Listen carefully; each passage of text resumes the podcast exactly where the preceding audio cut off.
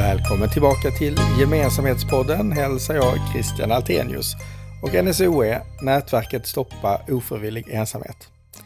Och kanske även välkommen tillbaka till arbetsplatsen efter sommaren. Den här podden handlar ju om socialt välbefinnande och hälsa i brett förstånd.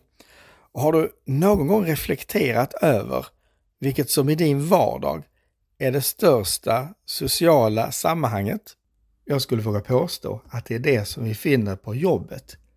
För betydelsen av det sociala på arbetsplatsen blev ju väldigt synligt och kännbart under pandemin när det i ett slag försvann. Eller i alla fall kraftigt reducerades för de som behövde jobba hemifrån. Och det här är något jag själv haft mycket fokus på. Hur vi skapar socialt hållbara arbetsplatser på riktigt. Att vi förstår hur mycket som faktiskt har en direkt koppling till de sociala relationerna på arbetsplatsen. Samhörighet, samarbete, innovation, psykologisk trygghet, känslan av sammanhang. Ja, listan kan göras lång. Och vi måste förstå vad i det relationella som vi behöver jobba med när vi jobbar på distans. Någon som har ännu bättre koll på det är Linda Vidar, medicine doktor i arbetshälsovetenskap vid Umeå universitet. Lindas forskning har fokus på arbetsrelaterat välbefinnande och ledarskap vid distansarbete. Så, håll till godo!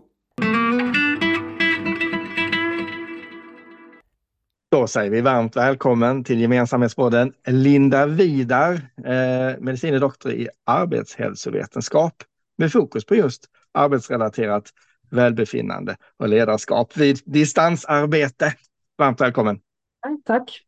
Ja, men vad spännande. jag har sett fram emot det här eh, samtalet väldigt länge. Eh, vi har ju hörts vid lite förr och vi har ju båda två nördat ner oss i det här välbefinnandet eh, på arbetsplatsen som ju nu kan vara lite varstans. För det är ju som så att om vi tar oss tillbaka till pandemin så fick arbetsplatserna ett antal, ja, inom citat, nya utmaningar att tampas med. Inte minst genom då att de här viktiga sociala sammanhang kring arbetet reducerades. Och det påverkade både samhörighet och samarbete när många av oss för första gången fick börja arbeta på distans. Då.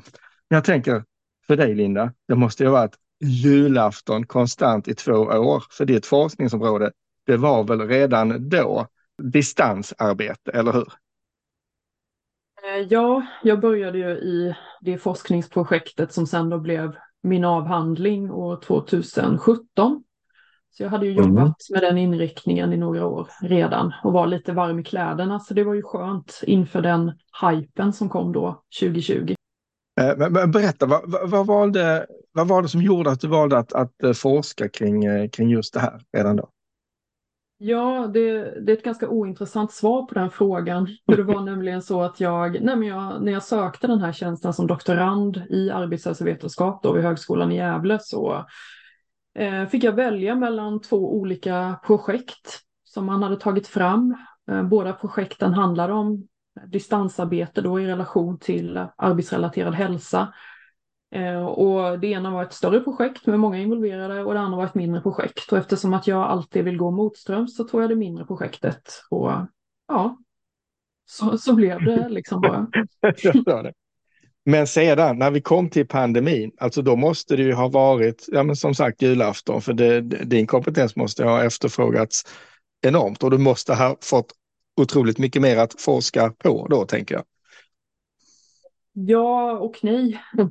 Alltså eh, den typen av kompetens som eh, jag hade och har, den, den blev ju mer efterfrågad. För just där och då så var det ju inte så många forskare som var aktiva inom området och tittade på distansarbete, framförallt inte i relation då till hälsa och välbefinnande och sådär i arbetslivet. Eh, så på så vis så, så blev man ju populär och jag fick många olika möjligheter och medverka i olika sammanhang då, vilket var såklart väldigt givande. Ehm, men sen vad gäller min egen forskning så blev det väl kanske mer en utmaning. Jag hade samlat in nästan all data jag behövde eh, när pandemin kom. Eh, förutom till min sista studie om ledarskap, så där fick jag liksom eh, ja, men ändra om den lite grann. Den skulle ju egentligen då handlat om distansarbete i en, i en vanlig traditionell kontext så att säga. Mm. Eh, men nu fick jag ju lägga till det här perspektivet med pandemin och hur det var att leda en sån situation. Så för mig så förändrades inte liksom, eh, vad ska man säga, forskningen mer än på det viset. För jag var ju redan liksom låst i mina projekt så att säga. Ja, jag förstår. Eh, men jag antar att det ändå har funnits massa lärdomar som vi som samhälle kan ha dragit nytta av. Vad ser du har kommit ur pandemin kring, eh, kring det här? Jag tror att alltså, om man tänker på vad, liksom, vad för positivt som pandemin eh, kan ha medfört då för vårt arbetsliv så är det väl att pandemin liksom spolade fram en eh, digitalisering och eh, utveckling av den här typen av distansarbetade arbetsformer i arbetslivet. Alltså en utveckling som kanske skulle tagit tio år vad gäller liksom eh, det här med att allt fler eh, organisationer och verksamheter börjar erbjuda medarbetare arbeta på distans och det blir liksom en normal företeelse på något sätt.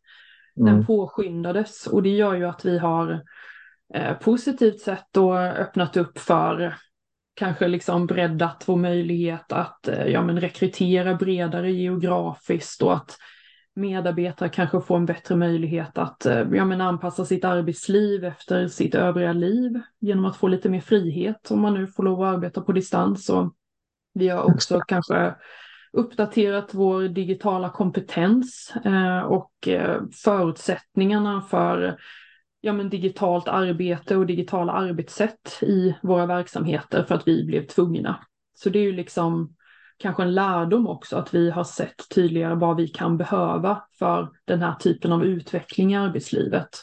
Och kanske också lärt oss hur vi ska hantera den typen av utveckling och sådär.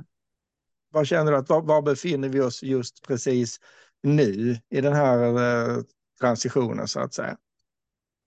Jag tycker väl att just här och nu så, så har det blivit lite en, en tystnad, upplever jag eh, kring distansarbete. Vi hade ju hypen då under mm. de här liksom pandemiåren, kanske först panik, sen hype. Eh, och sen precis efter så var det den här ambivalensen med hur ska vi göra, vad behöver vi och hela den här grejen. Och nu känns det lite som att det har kommit en stiltje när många verksamheter har liksom börjat kanske då eh, ja, men sätta sig vad gäller hur man vill göra och hur man planerar framöver. Så att nu upplever jag åtminstone att det har blivit ett litet lugn, åtminstone kring frågan då, vad vill vi och vad ska vi tillåta och sådär. Eh, sen så tror jag att vi framöver kommer börja liksom se effekterna av de här besluten som olika Eh, verksamheter har tagit kanske. Att om man har blivit väldigt restriktiv nu mot att erbjuda distansarbete så kanske vi får se liksom ett bakslag. Eh, eller liksom ett motstånd från medarbetare efter ett tag. Eller om man har varit väldigt öppen så kanske vi får se ett bakslag av det. Så jag tror liksom att de här effekterna av besluten kommer vara nästa grej vi börjar grotta ner oss i. Ja, jag tyckte du, du sammanfattade väldigt väl. Från panik när, när allting brakar loss till hype, att alla skulle haka på det. Ambivalens, vad gör vi av det här? Eh, och det här med den här stiltjen eller lugnet, då, det, det, det kan vara just positivt att man reflekterar och begrundar vilka vägar man vill gå. Och så. Eh, det här var jag också nyfiken på, effekten av beslutet. Vad är din nyfikenhet på, på de här eh, eh besluten? Så här, har, har, du kunnat se någonting redan nu? Har några effekter har hunnit börja visa sig? Vilka har varit ja, det är så svårt att säga, men det, det goda vägvalet, vilka beslut verkar, verkar peka i, i rätt riktning så att säga? Alltså jag kan, har inte kunnat se så många forskningsstudier som har utva utvärderat det än sådär, men eh, generellt när jag har deltagit i samtal med eh, eh, olika fack och arbetsgivarförbund och sånt där till exempel nu efter pandemin. Eh, och där hör jag ju olika inriktningar och beslut vad gäller liksom att eh, erbjuda eller inte erbjuda distans och vilken omfattning man gör det. Eh, och där har jag också sett alltså, olika respons från medarbetare, att vissa då känner att eh, ja, men beslut om att reglera då är en slags, vad ska man säga, ett tecken på kontroll och brist på förtroende från arbetsgivaren. Mm. Ehm, och den typen av liksom, effekter har man kunnat se i tidigare studier då som genomfördes innan pandemin när arbetsgivare var restriktiva mot den typen av av arbetsformer. Ehm, men sen så, och så det motsatta har vi också sagt att de som har öppnat upp, att många kan ha känt att de har fått ett förtroende men kanske också ett ökat krav på sig själv då som individuell medarbetare att klara av att strukturera och, och ja, men koordinera sitt arbete på egen hand och att man kanske känner sig lite ensam i det. Så att det finns liksom olika sidor av båda de här besluten som jag ändå kunnat skönja och känner igen då från tidigare studier. Du nämnde här också att du har fokuserat på just ledarskap eh, på, på distans. Alltså är det, vad är det som, som du har märkt i din forskning där, vad har vi behövt skruva på vad det gäller just ledarskap för att kunna leda optimalt i, på distans eller i den här hybrida arbetsvardagen som det är nu då? Ja, alltså just i den gruppen som jag har studerat så, så upplevde de cheferna att när deras medarbetare arbetade på distans så förändrades medarbetarnas behov en aning i, i arbetet.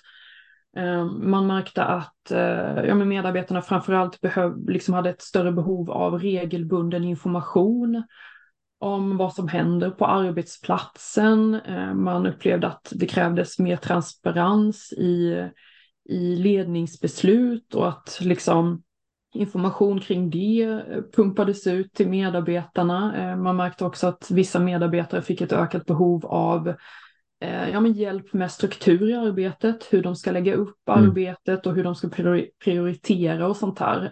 Sådana här olika aspekter då som kanske kommer mer naturligt eller finns inbyggda eller mer närmare till hands när man då är på kontoret fysiskt. Ehm, så det var en sån sak som ja, men chefen upplevde att den bördan, eller vad man nu ska säga, den, den belastningen av den typen av uppgifter för chefer, att förse information och skapa struktur och sånt där, mm. Den tyckte man ökade. Och, och liksom lite tvärt för att om man då, för jag jämförde ju då med hur det var att leda på distans före pandemin och sen hur det blev under pandemin. Ehm, mm. Och då skruvades de kraven upp liksom med att man behövde mer regelbunden information och struktur och sådär. Ehm, men eh, cheferna i den studien då satsade ganska mycket på att ge det här eh, relationella stödet, alltså att socialisera och öppna upp liksom för den typen av då informella digitala möten där man kunde mötas socialt och sådär. Ehm, men där märkte man att medarbetarna inte hade det behovet av de mötena eller kanske inte hade tid utan det var mer liksom det här formella praktiska arbetsrelaterade stödet då som man, man vill ha just då. Och det kan ju bero på att ja, en ökad arbetsbelastning på grund av förändrade arbetssätt i den situationen. Det är ju jättespännande den reflektionen. Du och vi pratades vid i höstas kring detta och eh, jag fick ett, ett otroligt tankvärt, som jag känner väldigt tankvärt citat från dig. Jag skulle läsa upp det här så tänkte vi kan ta och diskutera lite kring det. För då, eh, då sa du att kvaliteten på distanssamarbetet beror på hur de sociala relationerna ser ut. Hur väl vi känner varandra och varandras sätt att kommunicera, hur god insyn vi har i varandras arbetssätt. Det är helt avgörande för hur effektivt samarbetet blir. Det kan också hjälpa till att dämpa känslan av ensamhet och social isolering då tröskeln för kommunikation blir lägre om det finns goda etablerade relationer kollegor emellan. Alltså klockrent. Elaborera lite kring detta, för jag tycker det här, det här är liksom en insikt som jag känner att ja, men den bör man nog ha med sig in i det. För att just som du säger, kvaliteten på samarbetet beror på hur de sociala relationerna ser ut. Eh, hur skulle du säga är medvetenheten, medvetandet kring detta? Eh, förstår organisationen kring detta? Lägger man fokus och kraft på att utveckla de sociala relationerna? Tar man det på allvar? Vad är din känsla kring det? Jag tror att man tar, man tar det på allvar men man kanske inte riktigt förstår vad i de sociala relationerna eh, man mm. ska fokusera på eller vad, vad det är liksom. Eh, om du förstår vad jag menar. Alltså social ja, relation. Ja, för, som till exempel det här exempel som jag gav under pandemin att cheferna tyck, satsade väldigt hårt på vad de mm. då tyckte var bygg, stärka de sociala relationerna genom att ha de här informella digitala mötena. Eh, men responsen från medarbetarna blev liksom, eh, ja men inte så bra, de, de tyckte att de var onödiga. Um, för de, ja, men de behövde mer liksom det här praktiska stödet.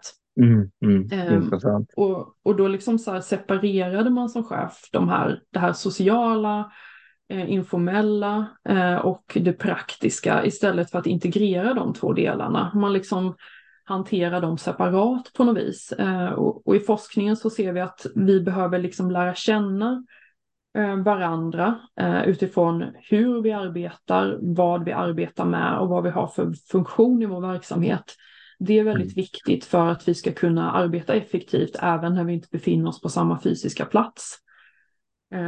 Och jag tror att många liksom chefer och arbetsgivare tänker att man ska lära känna varandra i det här sociala, kompisaktiga liksom relationen på arbetsplatsen. Istället för att kanske då tänka att vi behöver lära känna varandra på de här, det här mer då liksom formella sättet, om man nu ska kalla det det, även om det låter tråkigt.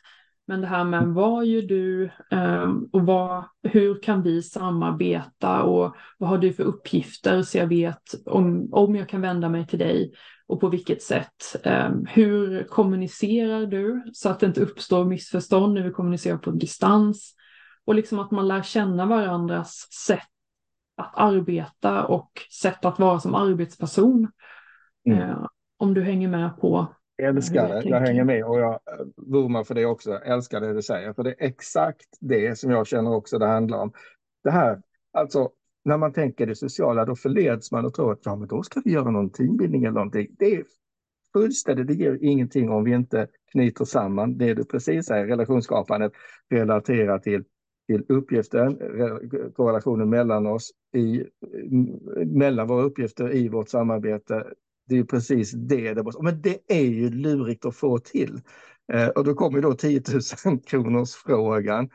Har, har du själv sett liksom eh, exempel på goda sätt att lyckas med den här integrationen av det sociala in i, in arbetsuppgifterna så att säga? Eller har du tips på hur man får det här? Som sagt, det är 10 000 kronors frågan för det är ju, det är ju, det är ju inte lätt.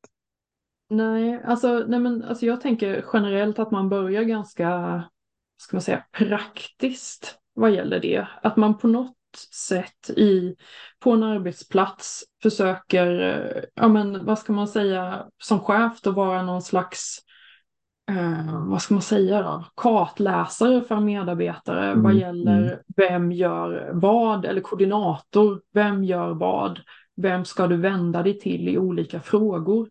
Att man har liksom eh, ja, men aktiviteter eller möten eller någonting där det blir väldigt tydligt vilka medarbetarna är, vad de har för funktion, vad de har för, mm. för kunskap, liksom en, eh, vad ska man säga, en, in, en kunskapsinventering kan vi väl ja. säga då i verksamheten och att medarbetare får medverka i den. Kanske genom att då liksom, om vi pratar om det här med socialt och skapa relationer, att berätta om vad man har för kunskap och kompetens och vad ens funktion är i verksamheten eh, och på så vis liksom skapa relationer som knyter an till, till just det. Jag vet inte om det liksom var något tips eh, och det framgår hur jag tänker kring det. Men, men jag tycker det är klockrent. Ja, men jag tycker det absolut det är det. För att jag menar, det, det, det blir något precis att kompetensrelaterat relationsskapande. Så att eh, det, det tycker jag absolut blir tydligt. Så att det är det man får försöka hitta nycklarna till. Eh, och, men det spännande är ju att, att det här är ju det här sättet liksom att, att tänka och att vara på, att relatera till varandra på, samarbeta med varandra. Där vi, vi kanske inte riktigt har vanan av att göra det, för som du säger, vi har separerat eh, det för mycket. Så att, att integrera de relationsskapade bitarna i kompetensöverföring, innovationsprocesser överhuvudtaget. Det, det, Ja, mycket spännande, det ska bli mycket spännande för det, jag tror det kommer och mer och mer insikter kring det framöver, hur viktigt det är att, att just att, att, att integrera det här. Mm. Ja, så, precis, nu är vi på banan. ja, precis. Nej, men jag tänker för att man pratar ju mycket om ja, men psykologiska kontrakt och sådär när man har när man arbetar på distans. Att man ska upprätta ett, ett liksom ömsesidigt förtroende för varandras eh, förmåga att prestera och och liksom leverera det, ja, det man har kommit överens om. Att jag mm. förväntar mig att du ska prestera och du levererar liksom det som jag bett om ungefär. Eh, och genom att ha den här liksom kompetens, eh, eh, vad ska man säga, insikten eller vetskapen om vem mm. som gör vad på ens arbetsplats kan ju också inge en trygghet och kanske också göra det enklare att etablera den typen av psykologiska kontrakt och, och upprätthålla dem och, och sådär, tänker jag. Mm. Ja men absolut, och det, det låter ju ganska elementärt. Ja, kontrakt är vem som gör vad. Eh, det är väl det precis, ganska fundamentalt.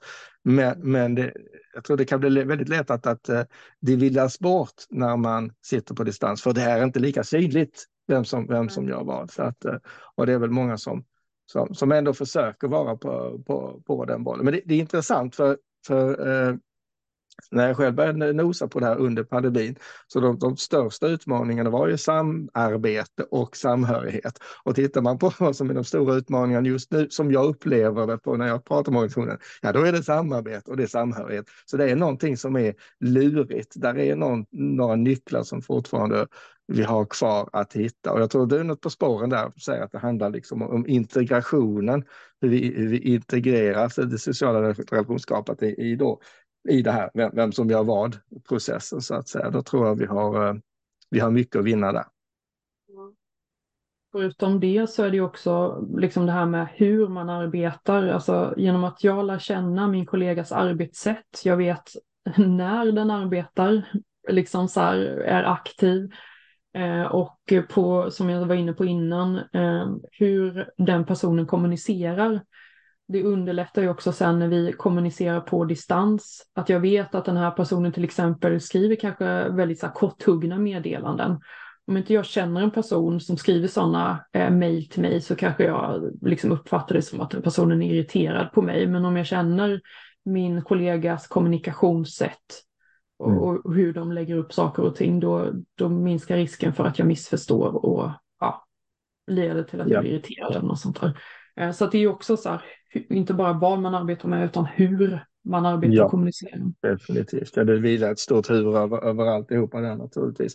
Och just att, säga, att lära känna varandras eh, ja, men det digitala dialekter så att säga. Eh, eh, det, det tar också sin lilla tid. Mm, så är det, så är det. Nu när du forskat kring det här under väldigt lång tid, är det någonting som har förvånat dig? Jag menar kring, eh, kring, kring hur vi relaterar till varandra på våra arbetsplatser eller så? Är det någonting som, som liksom har, vad är din största aha-upplevelse eh, under den tiden du har forskat på det här ämnet?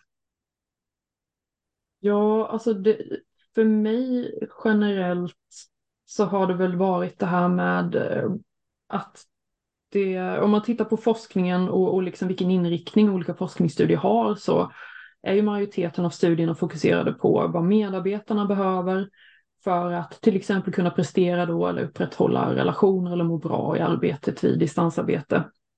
Eh, och då bland annat vad som krävs från chefen för att medarbetarna då eh, ska må bra och sådär. Men det är liksom ganska lite med forskning som tittar på vad, vad chefen behöver för att kunna uppfylla den typen av förväntningar och krav som riktas mot dem vid distansarbete. Till exempel, liksom, vad ska chefen göra då, som vi nu har pratat om, för att upprätthålla goda relationer eller en känsla av sammanhang och gemenskap hos medarbetare när de arbetar på distans? Eller hur ska vi göra för att chefen själv ska kunna känna de sakerna?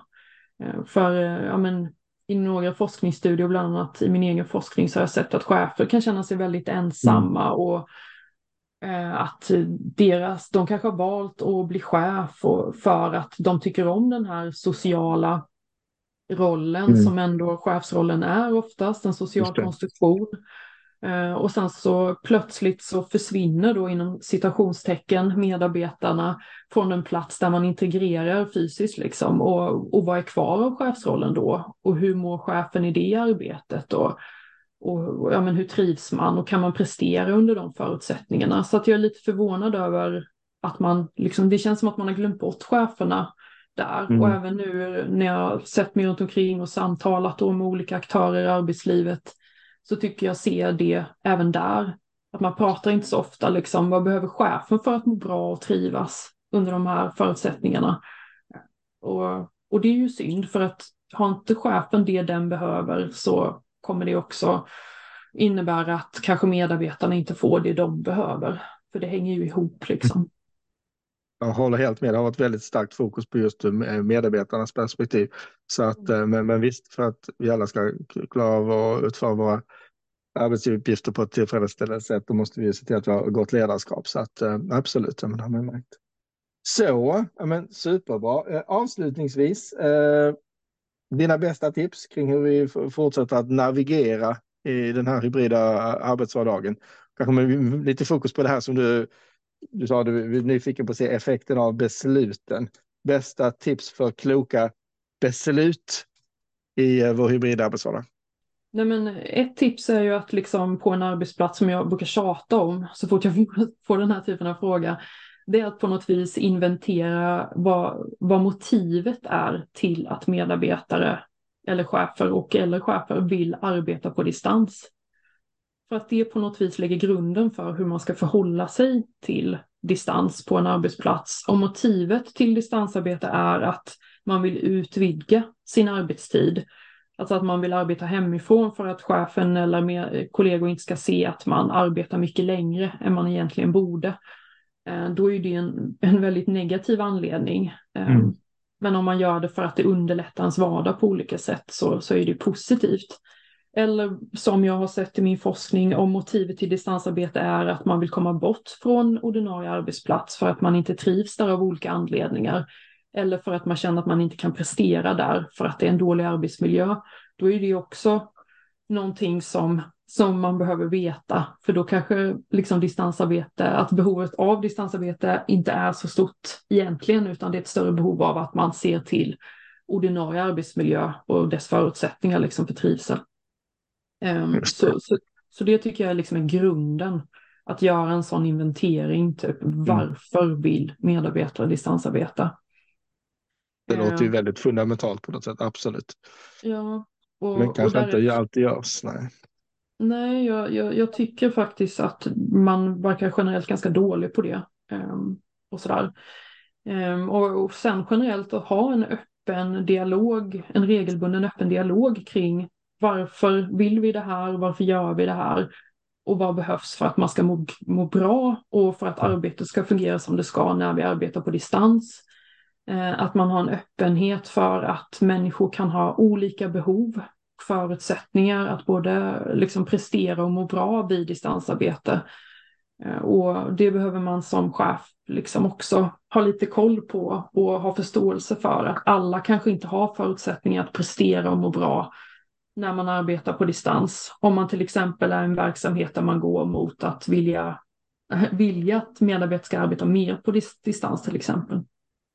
Och sen, eh, nej men sen generellt eh, också då det här med chefer, att man också, hur mår cheferna i den här situationen? Och har de det de behöver för att må bra i sitt arbete? tycker jag är viktigt. Med det, eh, stort tack Linda Vidar, medicin doktor i arbetshälsovetenskap för att du gästade Gemensamhetspodden. Stort tack till dig. Tack så mycket.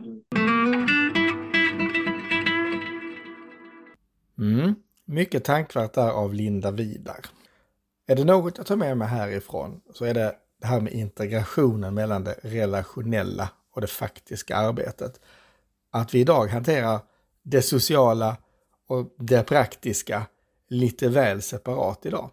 Att vi måste lära oss att mer fokusera på relationsskapande som stärker upp samarbetet och har bäring på uppgifterna vi har att lösa.